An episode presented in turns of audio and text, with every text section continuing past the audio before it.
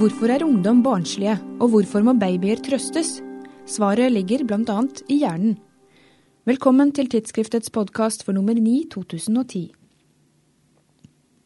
Syns du 13-åringen er vel umoden og overmodig? Det kan skyldes en ubalanse i hjernen som er helt normalt i den alderen. Det forteller barne- og ungdomspsykiater Kjerstin Plessen. Sammen med Galina Kabetsjeva har hun skrevet en artikkel om hvordan hjernen utvikler seg i barne- og ungdomsalderen, og hvordan dette, i kombinasjon med miljømessige faktorer, kan forklare både atferd og eventuelle atferdsproblemer. Altså, vi ser at barn og ungdom utvikler seg ikke helt kontinuerlig, og det er noen tidsepoker eller noen perioder i livet der det er helt vanlig at man på en måte i de voksnes øyne kanskje har en tilbakegang i utvikling. Når vi f.eks. tenker på ungdommer og ungdommens um, søkende etter sensasjoner, søkende etter nye situasjoner. Det kan ofte oppfattes som på en måte mindre moden um, i de voksnes øyne.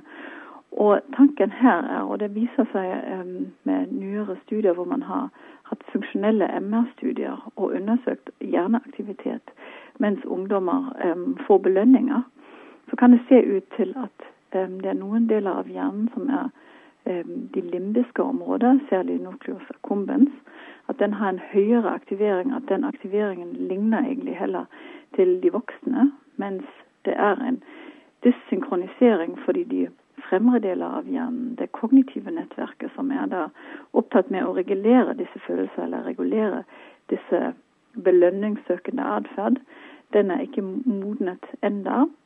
Og det fører til at de har en mindre aktivering i disse fremre områdene. Så det er rett og slett en ubalanse som foreligger i hjernen. Barne- og ungdomsalderen er altså en viktig periode for hjerneutvikling. Den emosjonelle og kognitive utviklingen styres både av genetikk og av miljø og tilknytning er eksempel på miljøpåvirkning som er helt nødvendig for at barnet kan utvikle kontroll over egne følelser. Et eksempel er morens trøst til spedbarnet som gråter. Nedsatt følelsesregulering kan føre til impulsiv atferd, risikoatferd, aggresjon og angst. Vi tror i barne- og ungdomspsykiatrien at regulering av følelser er noe av de grunnleggende trekk som, som alle barn må lære seg, og som da også kan hjelpe oss til å bedre forstå hvem som eventuelt kan utvikle noen vedvarende problemer, og hvem som klarer seg i livet. Og eh, Når vi tenker på tidlig spedbarnsalder, så er foreldrene helt avgjørende når det gjelder regulering av følelser. Hvis man da observerer samspill mellom eh, en baby og mor eller far, så handler dette egentlig hele tiden om regulering av behov og av følelser. Når vi så tenker videre i skolealderen, så vil man også der se en graduering. At disse barn som går i første klasse f.eks. er svært avhengige av at lærerne hjelper dem å regulere sine følelser. Så de har på så å si fremdeles en litt mer ekstern regulering av følelser. Mens når vi kommer opp i ungdomstrinnet f.eks., så forventes det at um, disse barna er i stand til å regulere seg selv, til å ordne opp i egne konflikter. Og det er ikke lenger de voksne som på en måte står der og må hjelpe dem. Så hva er det egentlig som skjer i hjernen? Det er en komplisert prosess, men i artikkelen presenteres noen viktige trekk. Kort fortalt skjer en lineær utvikling av hvit substans, vekst og deretter eliminasjon av grå substans, samt modning av de ulike nettverkene i hjernen. Vi har mange nevroner som da allerede oppstår under svangerskapet, og som vandrer. Og sammen med synapsene danner um, cortex. Og den kortikale tykkelsen den tiltar under barnealderen og når sin maksimale diameter rundt 10-13-årsalderen. Eh, litt ulik på de ulike deler av hjernen. Samtidig så utvikler også myelin, altså den hvite substansen, seg um, tiltakende. Og så er det en interessant prosess som finner sted en gang rundt fødselen, hvor det blir um, mistet en del nevroner. Og hvor man også kan si at i ungdomsårene så mister vi en del synapser. Så det er hele tiden er det en overskuddende um, vokseprosess i hjernen, men så er det også en eliminering av nevroner eller av synapser.